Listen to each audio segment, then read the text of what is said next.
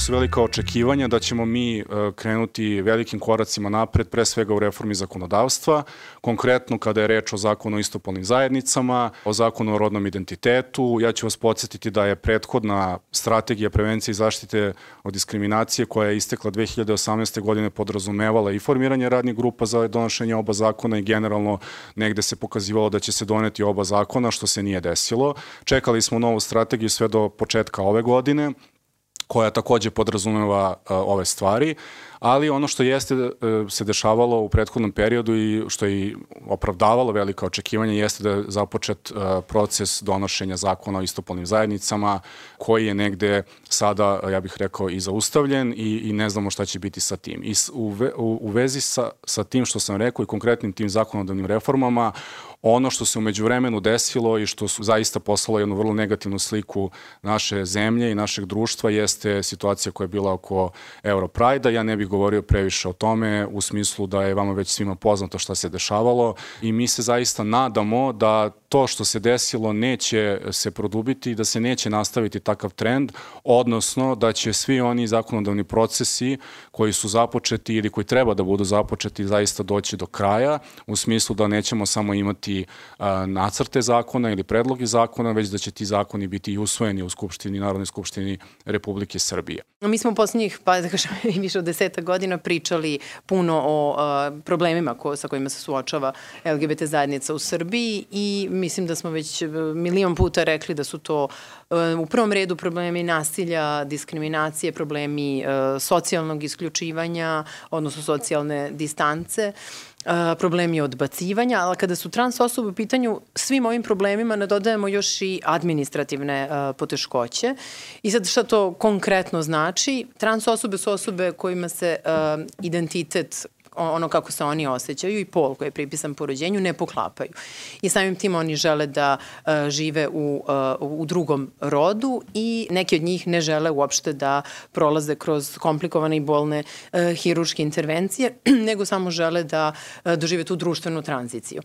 E sada zamislite situaciju ukoliko jedna osoba se odluči da krene sa hormonima, vrlo brzo kreće da poprima drugačiji izgled, a u ličnoj karti stoje podaci koji ne odgovaraju u njenom ili njegovom fizičkom izgledu. To znači da ta osoba ne može ono najbazičnije da ode u banku da podigne, da podigne novac, da podigne kredit, ne može da ode na razgovor za posao zato što mora da dostavi ličnu kartu koja nije u skladu sa uh, onim kako, kako ta osoba izgleda. Dakle, ovo je jedan onako najplastičniji uh, primer uh, kako postoje te administrativne uh, barijere zbog slabog, neujednačenog rada uh, matičnih službi, dakle službi koje su nadležne za uh, izmenu dokumenta i neujednačene prakse kada su u pitanju same operacije.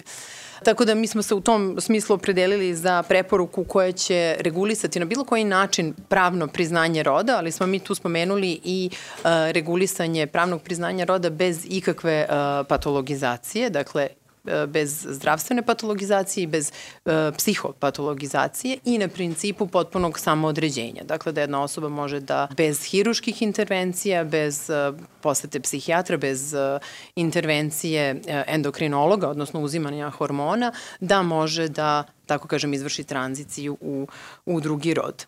Drugi veliki problem koji je takođe obuhvaćen ovom preporukom koju smo analizirali i na koju smo se fokusirali jeste obezbeđivanje hormona. Možda niste upoznati, ali je na tržištu već nekoliko godina, mislim više od četiri, pre nego smo mi počeli da se fokusiramo na ovu preporuku, veliki problem nestašice ženskih hormona, što je vrlo ključno za sve trans žene koje su od trenutka operacije prinuđene da do kraja života redovno, znači svakodnevno uzimaju te hormone.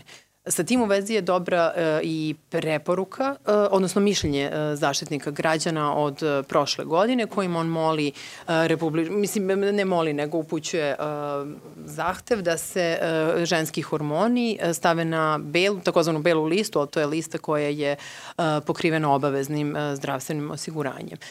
E, naravno, nisu samo trans osobe obuhvaćene ovim problemom, tu naravno imamo i žene koje su u menopauzi ili e, koje se suočavaju sa različitim ovaj, hormonalnim problemima, ali u svakom slučaju ovo je jedan uh, dobar korak i negde jasan pokazatelj da institucija zaštitnika građana uh, preduzima nešto po, po ovom pitanju. Interseks osobe su osobe koje mogu biti rođene sa poludefinisanim, nedefinisanim ili potpuno neformiranim genitalnim, hromozomskim ili hormonalnim setom. To znači da osobe žive negde, to je strađuju se sa nečim što se u Srbiji naziva između. To smo otkrili skoro na mrežama da nas zovu, mi smo osobe između, nisam shvatio između čega, ali između. I ono što jeste bitno za interseks osobe jeste da osobe na određeni način nemaju prava, to jest ovom preporukom, ispunjenom preporukom su dobile podlogu i mesto da ispune svoje pravo, to je da se negde u nekom trenutku obrate, žale, da ne kažem, kažu državi, vidite šta nam se dešava. Zašto ovo kažem? Zato što u Srbiji, konkretno u Beogradu, Institutu za majku i dete, preko 20 godina radi medicinski tim direktne intervencije koje su najčešće kozmetičkog tipa, nisu sve, ali najčešće jesu. Te intervencije su vrlo agresivne i vrlo rade na normalizaciji, ta reč se koristi u civilnom sektoru, ne znam da li i ostali koriste, normalizaciji tela jedne bebe. Normalizacija znači da bar genitalni set koji je vidljiv izgleda koliko toliko prepoznatljiv i naravno da bude funkcionalan. Ovo je praksa preko 20 godina, preko, ja mislim da čak i 30, još čekamo informaciju tačno iz instituta, deca koje su operisana svakako trpe traumu, fizičku traumu. Znači, ako na nečijem telu, a tela su mala, izvršite bilo kakvu intervenciju, postoji trauma vidožiljka. Prateća trauma je mentalna trauma kojom se jako redko bavimo i ono što jeste takođe veliki problem, pored dece koje su interseks, imamo roditelje interseks deca, koje takođe imaju traumatične razvitke i razvoje koje mogu da prate kod dece zato što su neupućeni, neinformisani i vrlo najkonkretnije od lekara skrajnuti u čutanje i jednu izolaciju, što je jako važno da se razume. Preporuka koja je usvojena, i hvala Australiji što je prepoznala ideju da nam je da, i naravno državi koja je uspela, prošle godine smo i pretprošle radili sa e, kancelarijom poverenice za zaštitu ravnopravnosti da se ta preporuka usvoji i da praktično pole karakteristike uđu u zakon o zabrani diskriminacije. Ušle su, ali se postavlja veliko pitanje ko će se i kada referisati na tu preporuku. Zašto? Zato što zajednica ne postoji, zajednica je tu, ja kažem nevidljiva je, stvari svi smo mi negde prisutni, ali smo u društvu neprepoznati, ne vidimo se i malo, jako malo ljudi prosto izađe da kaže nešto o sebi ili da podeli svoju priču. Diagnoza koje spadaju pod krovni termin interseks ima preko 40. To su različiti varijeteti i to je jako važno da razumete odakle sve ide praktično, na koji način jedna država radi sa ljudima, na koji način svi mi negde odrastamo u nekom identitetu i šta se desi ako ti lekari u nekom trenutku pogreše. Ovo što smo sada uneli kao preporuku, to je kao ovaj, jedno od polja za preporuku i nadamo se da će se desiti, je zaustavljanje operacije. Zašto zaustaviti hiruške intervencije? Osim naravno ako nisu neophodne životno ugrožavajuće e, i potrebne da se spase nečiji život, većina njih nije životno ugrožavajuća, ali pravi traume pomenuo sam na kom, kom sve nivou. Zašto je važno zaustaviti proces? Zato što lekari ne mogu znati, oni do, imaju jedan set testova i analize koji se rade i tu imamo i neke administrativne procedure koje nam ne pomažu i ne idu u prilog. To je 15 dana prijeve deteta po rođenju, prijeva pola deteta i imena deteta. 15 dana nije dovoljno da se uradi osnovni set analiza, toga je jedan kariotip i ta analiza se radi šest nedelja, traje prosto izrada. Znači, nema se vremena da se dobije konkretna slika i kad se dobije konkretna slika, lekar kao takav definitivno, naravno, uz neki dogovor sa roditeljima, uzmite u obzir da mi još uvijek živimo u jednom malo većem selu koje se zove Srbija, a to je lekar, učitelji, još uvijek pop, jesu glavne ličnosti našeg sveta i lekar zna najbolje. To nije tačno. Osoba zna najbolje. Ako operišete bebu ili dete koje je jako malo, vi ćete imati jako veliki problem kad ono odraste, nije čak pitanje identiteta ili orijentacije, pitanje ličnog, telesnog, integriteta i autonomije. Niko na ovom svetu nema prava da vas ugrozi, pa ni lekar pod izgovorom da čini dobru stvar za vas. Ideja o zaustavljanju hiruških intervencija nije na nivou da uradimo nešto protiv nekoga, nego da uradimo nešto za, ne samo zajednicu, nego i za roditelje, koji sa ovom činjenicom da je dete imalo neki hiruški zahvat takođe treba da žive i treba nešto da urade, jer ne zaustavlja se negde na sreću, negde na žalost po sve nas, upravo sa, ceo proces na tom nivou hiruške intervencije. Sve ostalo je takođe deo procesa, deca su ili na hormonima, ili na određenim substitucijama, to je substitutivnim medikamentima, jako važno da razumete da se proces ne zaustavlja tu. On traje do puberteta, u pubertetu nastaju posebni problemi.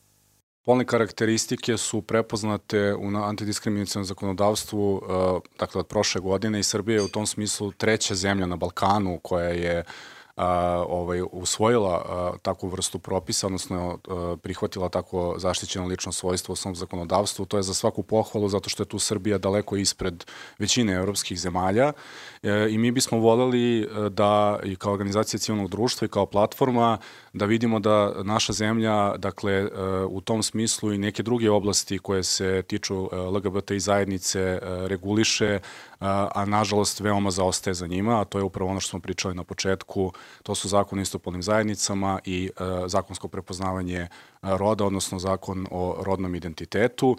I naravno da konačno, e, nadamo se u ovom narednom ciklusu, a nadamo se i od sledeće godine, e, garantuje pravo na slobodu okupljanja koje, smo, koje je sama zajednica i opšte organizacija civilnog društva su godinama radile na tome da do toga dođe i da se to više ne postavlja kao pitanje da se vratimo tamo gde smo se našli negde 2014. i gde smo sve do 2021. godine mislili da, da se više takvim, takvim problemima nećemo baviti.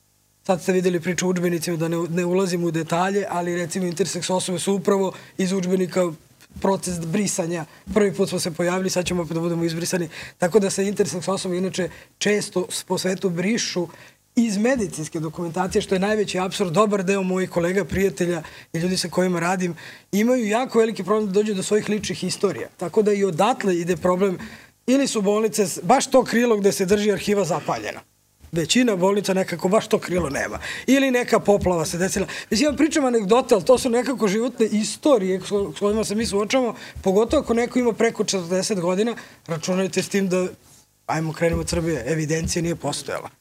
Ko je vodio evidenciju osim nekih internih kartona koji su postojali? Mi nemamo, recimo, to isto je zanimljiv podatak, Albanija je jedina zemlja iz okruženja, uče podrži me, pošto smo to istražili, da e, Srbija, Makedonija, Bosna, pričamo o zemljama Zapadnog Balkana, osim Albanije, nigde ne postoji u onom izvodnom e, kartonu koji kad beba izađe iz bolnice, ali ne van, pričamo o svetu, nego interni bolnički karton, vi nemate nigde naznaku gde bi se ostale informacije da je beba rođena s nekim varijetetom. Vidljivim, pričamo o naznakama. Jedino Albanija ima određeni segment na tom izveštaju gde se te piše hermafrodit, a to sad lekar piše neku naznaku. Znači, kod nas to ne postoji. Ako krenemo odatle, znači institucije koje su nadležne za tretman od početka nemaju neku evidenciju koja je vidljiva konkretna. S obzirom da u samoj oblasti osoba sa invaliditetom postoji e, jako puno problema, Ove, ovaj, mi smo se ovog puta opredelili za preporuku e, jačanje procesa deinstitucionalizacije dece bez roditeljskog staranja mlađe od tri godine. Prva polazna premisa je u stvari zakon o socijalnoj zaštiti koji sam po sebi e, zabranjuje prijem dece mlađe od tri godine u ustanove socijalne zaštite. E, međutim, on e, sam sebe nekako negira zato što sam sledeći stav tog zakona govori da pod određenim u izuzetnim situacijama da po odluci nadležnog ministra dete može biti primljeno čak i na duži period od tog dva meseca da boravi u ustanovu. Ono što je prvo meni nekako važno da naglasim je da se ustanove jako razlikuju među sobom. Znači, e, deca sa smetnjama u razvoju žive u ustanovama za smeštaj dece i mladih sa smetnjama u razvoju, njih ima šest, ali isto tako se smeštaju i u ustanove kojima je zvaničan jako dugačak naziv za decu i mlade bez roditeljskog staranja i decu i mlade sa smetnjama u razvoju, njih ima 10. E sad ove ustanove za smeštaj dece sa smetnjama u razvoju e, su vrlo specifične po tome što u njima žive, bez obzira na njihov naziv, žive deca, žive mladi, žive odrasli i žive stari. 2020. godine u tim domovima, u oba tipa ovih domova, bilo je 560 dece, 417 mladih i 900 odraslih. To je jako problematično da zajedno žive mala deca od 3 godine i ljudi od 65 godina i ovaj, deca su izložena, odnosno postoji opasnost da budu izložena različitim formama nasilja. E sad, od ovih 560 dece, njih 381 jedno dete imalo je smetnje u razvoju, 68%. 21. godine nešto je smanjen ukupan broj dece, bilo ih je 512 u svim ovim domovima, a 345 od njih ima smetnje u razvoju, odnosno invaliditet, znači nešto malo manje od 70%. E, ono što je zanimljivo kad pogledate e, ajde da kažem, strukturu ovih mladih i odraslih, e, tačno po tome vidite koliko e, deca sa smetnjama u razvoju praktično ne izlaze iz domova zato što e, kad su u pitanju mladi preko 85% njih ima smetnje u razvoju, kad su u, pitu, u pitanju odrasli onda su svi sa smetnjama u razvoju. Znači da deca bez roditeljskog staranja ipak e, imaju šansu da se vrate u zajednicu, a za decu sa smetnjama u razvoju i odrasle e, praktično jedini način na koji napuštaju ustanovu je u mrtvačkom sanduku ili tako što ih premeste u neki drugi dom.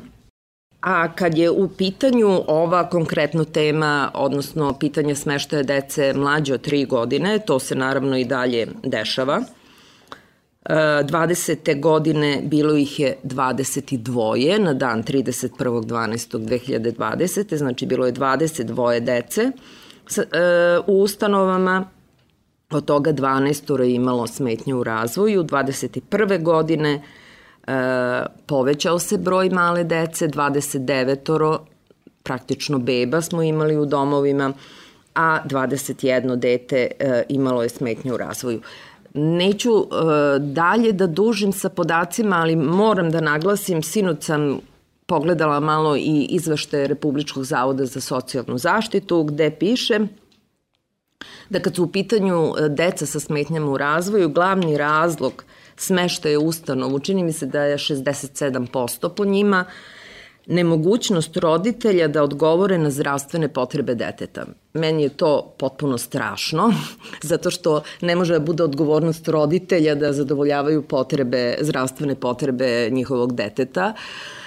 Zna se gde svi mi zadovoljavamo zdravstvene potrebe i um, kako bi rekla, to stvarno ovaj, je nedopustivo da se e, roditeljima čija deca imaju smetnje u razvoju, a ujedno i neka pridružena ovaj, e, zdravstvene probleme, ne obezbeđuje e, podrška u okviru zdravstvenog sistema, nego oni moraju da smeste svoje dete u dom.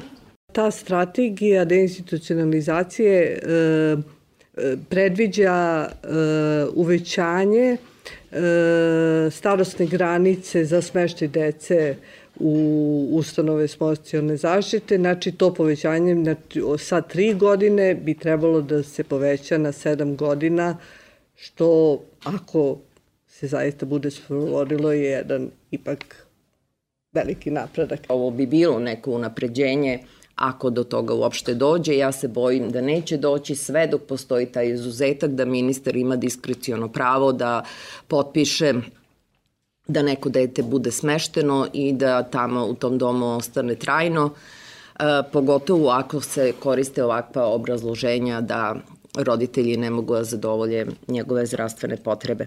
I kad god čujem da žrtve torture e, prijavljuju jel, da su to doživele. Ja se setim ovih ljudi koji žive u ustanovama socijalne zaštite i uvek se pitam koji je to način, kome oni da prijave i kako oni da prijave. Oni ne znaju da postoji bilo kakva konvencija, da postoji MDRI, da postoje organizacije koje mogu da im pruže pravnu pomoć.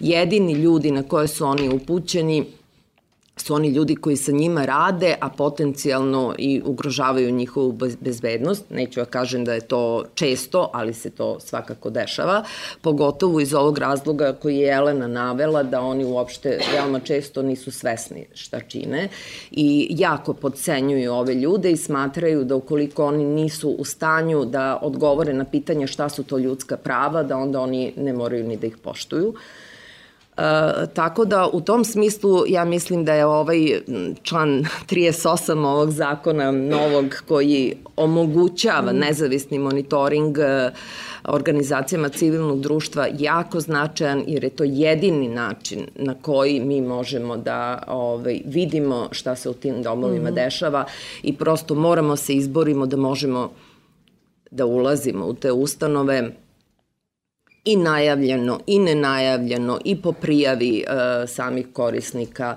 Poslednja stavka koju smo e, navodili, koja jasno govori da je Srbija samo se deklarativno opredeljuje za proces deinstitucionalizacije, je to što i dalje postoje jako velika e, ulaganja u same ustanove socijalne zaštite, znači koje prevazilaze onu zaštitu života i zdravlja korisnika.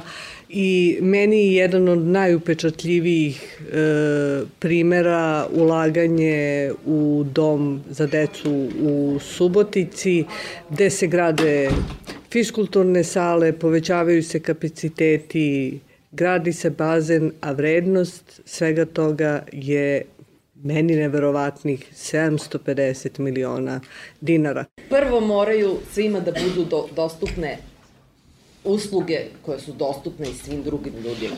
Mislim, ne može jedno dete da bude smešteno u dom zato što treba buda, da prima infuziju.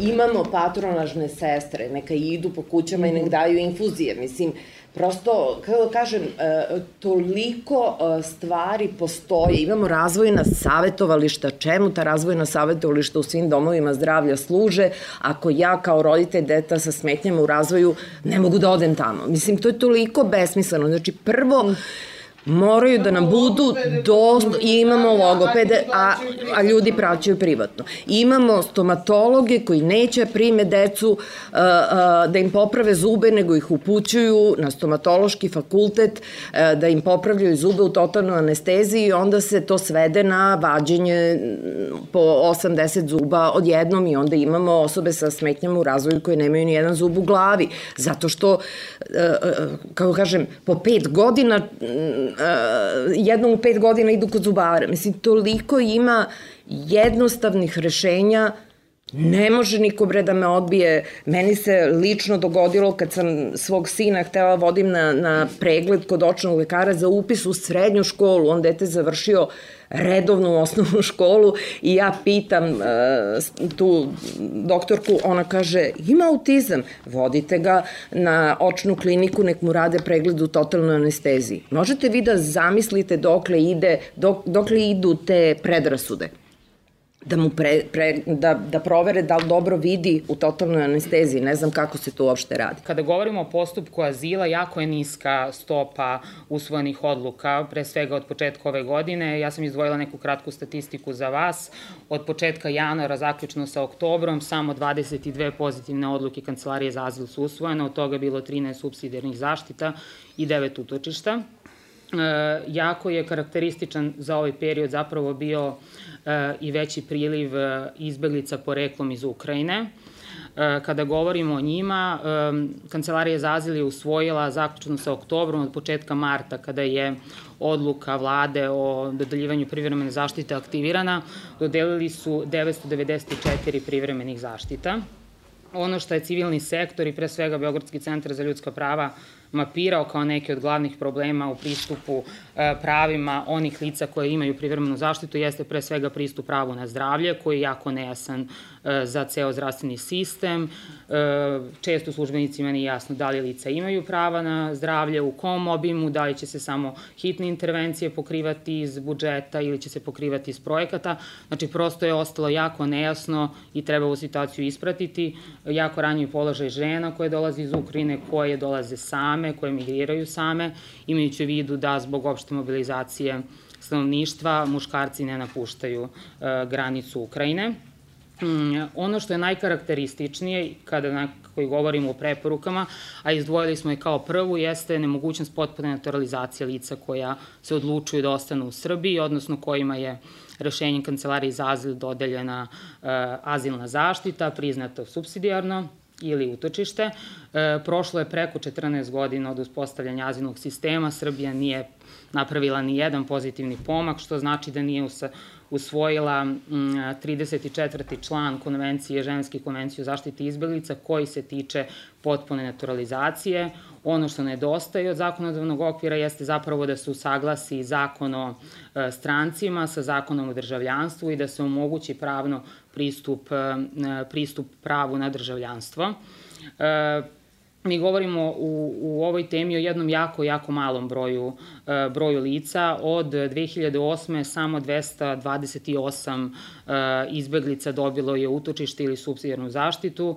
Prema nekim podacima Beogradskog centra za ljudska prava, baš iz nemogućnosti potpune naturalizacije, u poslednjih dve do tri godine mi imamo neki podatak da je preko 40 samo naših klijenata napustilo Srbiju. Znači, govorimo zapravo o razlozima e, potpune nenaturalizacije i lica prosto gube motivaciju da uče jezik i da nastavljaju, e, nastavljaju svoj život ovde. E, ono što je takođe jako problematično, a kada govorimo o pristupu pravima na dokumente, jeste nemogućnost dobijanja putne isprave. E, Srbija je potpisnica ženske konvencije, u njoj zapravo aneksom je i predviđen izgled putne isprave koji može da se koristi kao neko prelazno rešenje dok nacionalni okvir ne usvoji E, putnu ispravu kao takvu i kako će ona izgledati. E, I pored svih tih nekih alternativnih mogućnosti, Srbija i dalje de facto e, ne omogućava slobodu kretanja licima u Srbiji koje ovde borave kao izbeglice problemi koje izbeglice imaju u Srbiji nekako se sve zajedno mogu da se stave u jedan onako uh, uh, jedan koš same diskriminacije koji se nekako nadovezuje i od nemogućnosti putne isprave, a pre svega od nemogućnosti da se dobije adekvatan lični dokument. Ono što znamo jeste da u skladu sa zakonom o strancima lica koji imaju privremeni boravak u Srbiji imaju prava na biometrijski dokument na kome se vidi evidencijni broj za strance, e, biometrijski podaci i koji u pristupu pravima jeste mnogo jednostavniji za razliku od ovog dokumenta koji imaju tražioci azila i izbeglice, koji izgleda kao neka mala papirna kartica koja je samo plastificirana, popunjena rukom, Prvo je sklona falsifikaciji, drugo E, jako je kratkog trajanja. Ono što je nekako najproblematičnije jeste da lica koji su njeni nosioci kada svaki put se traži određena prava, da li je to pristup zdravstvenoj zaštiti, otvaranje zdravstvenih kartona, zatim otvaranje bankovnih računa, e, problemi su brojni, pre svega službenici ne poznaju izgled ove lične karte i dovodi, dovode zapravo njenu istinitost i verodostojnost u pitanje pristup pravu na rad. Srbija u, tom nekako, u toj nekako oblasti uspela da se približi evropskom zakonodavstvu, odnosno uspela je da implementira određene direktive i regulative u, u temi pristupa tržištu rada. Međutim, ono što predstavlja problem u praksi jeste pre svega ta visoka taksa za, za radne dozvole. Takođe, za tražioce azila taksa se obnavlja na svakih šest meseci, što ćete se složiti da od nekih 140 eura, 14-15 hiljada dinara, koliko taksa iznosi, predstavlja zapravo uh, uh, veliki, uh, veliki ceh i trošak za izbjeglice. E, ono što je jako izazovno i problematično, u čemu Srbija zapravo nije pristupila praksi, pozitivnoj praksi Evropske unije, jeste da su formulari i dalje na ćiriličnom pismu, odnosno na srpskom jeziku i da nisu prilagođeni e, strancima koji bi aplicirali za njih. U zemljama Evropske unije, recimo, u nacionalnim službama zapošljavanja imate prevedene e, formulare na jezike izbeglica, ali i stranaca koji dolaze u tu zemlju, što znači da izbeglice u tim zemljama ili stranci mogu sami da apliciraju uh, za radnu dozvolu, nije im, potreban, um, nije im potrebna asistencija civilnog sektora. Ovde u Srbiji bez nekih uh, dodatnih pomoći civilnog sektora, međunarodnih organizacija, sam pristup tržištu rada nije moguć. Prema podacima Komesarijata za izbjeglice i migracije, u prvoj polovini 2022. godine u objektima koje vodi KIRS, znači u prihvatnim i centrima za azil, bilo je smešteno 38.909 migranata, što je povećanje od 55% u odnosu na 2021. godinu. Dakle, vidimo sad da se dešavaju određena pomeranja na toj migrantskoj ruti i da je otprilike jedna trećina ljudi u ovom ukupnom broju bila iz Afganistana, zatim slede ljudi iz drugih zemalja kao što su Pakistan, Indija, Bangladeš, Burundi i tako dalje. Što se tiče broja žena i broja dece kao dve posebno ranjive grupe, po podacima Kirsa iz aprila u ukupnoj populaciji migranata bilo je 4,5% žene i 5,5% dece. Znači, otprilike oko 10% u okviru celokupne izbjegličko migranske populacije čine žene i deca. Ako prevedemo to na realne brojeve, recimo da u svakom trenutku imamo između 200 i 300 žena koje E, žive, odnosno borave u prihvatnim i centrima za azil, a i sad moram da se ogradim, dakle to su e, podaci koji se odnose na, na ove centre kojima rukovodi KIRS, međutim sam KIRS je rekao da je primetio sve veći broj ljudi koji živi na neformalnim lokacijama iz ove populacije. Sad možemo da se pitamo zbog čega je to tako, tako da u stvari mi ne znamo koliki je tačan broj ljudi koji boravi na teritoriji Srbije. Istim u vezi ne znamo ni koliki je tačan broj žena, ali u svakom slučaju on veći od ovog broja koji sam naveo. Što se tiče uh, samih žrtava trgovine ljudima iz izbegličko-migrantske uh, populacije, mi vidimo tu godinama zapravo vrlo nizak broj formalno identifikovanih žrtava trgovine ljudima iz ove populacije, a u isto vreme svesni smo i mi, a i drugi akteri u, u sistemu zaštite podrške velikog broja rizika od trgovine ljudima kojim, kojima su ovi ljudi izloženi ne samo u Srbiji, nego tokom čitavog izbegličkog puta i sad recimo opet to kad prevedemo u realne brojeve od 2018.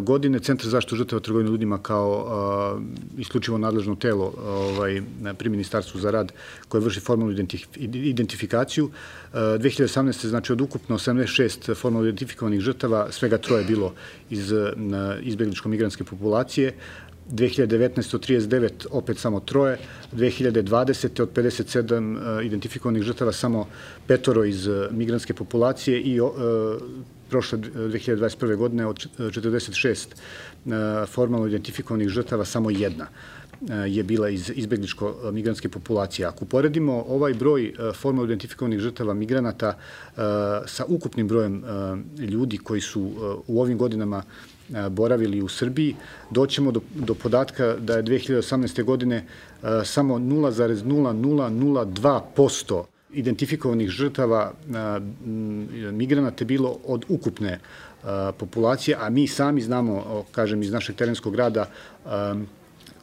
koliko je ljudi bilo i kod nas u različitim aktivnostima, uslugama i na bezbednom smeštaju, koliko zapravo ovo, možemo da kažemo, je upitan podatak, odnosno da se zapitamo šta nam on govori, imajući u vidu da je ovako mali broj, gotovo zanemarljiv broj žrtava identifikovanih iz izbjegličko-migranske populacije, onda samo možemo da govorimo šta, šta je sve tim potencijalnim žrtvama uskraćeno, dakle one nemaju period, pravo na period refleksije, zato što, kažem, nisu uh, identifikovane, ne mogu da ostvare pravo na boravišnu dozvolu, što sve bi mogli kad bi bili formalno identifikovani uh, kao žrtve trgovine ljudima i onda čitav niz drugih prava koji proističe iz statusa formalno identifikovane žrtve.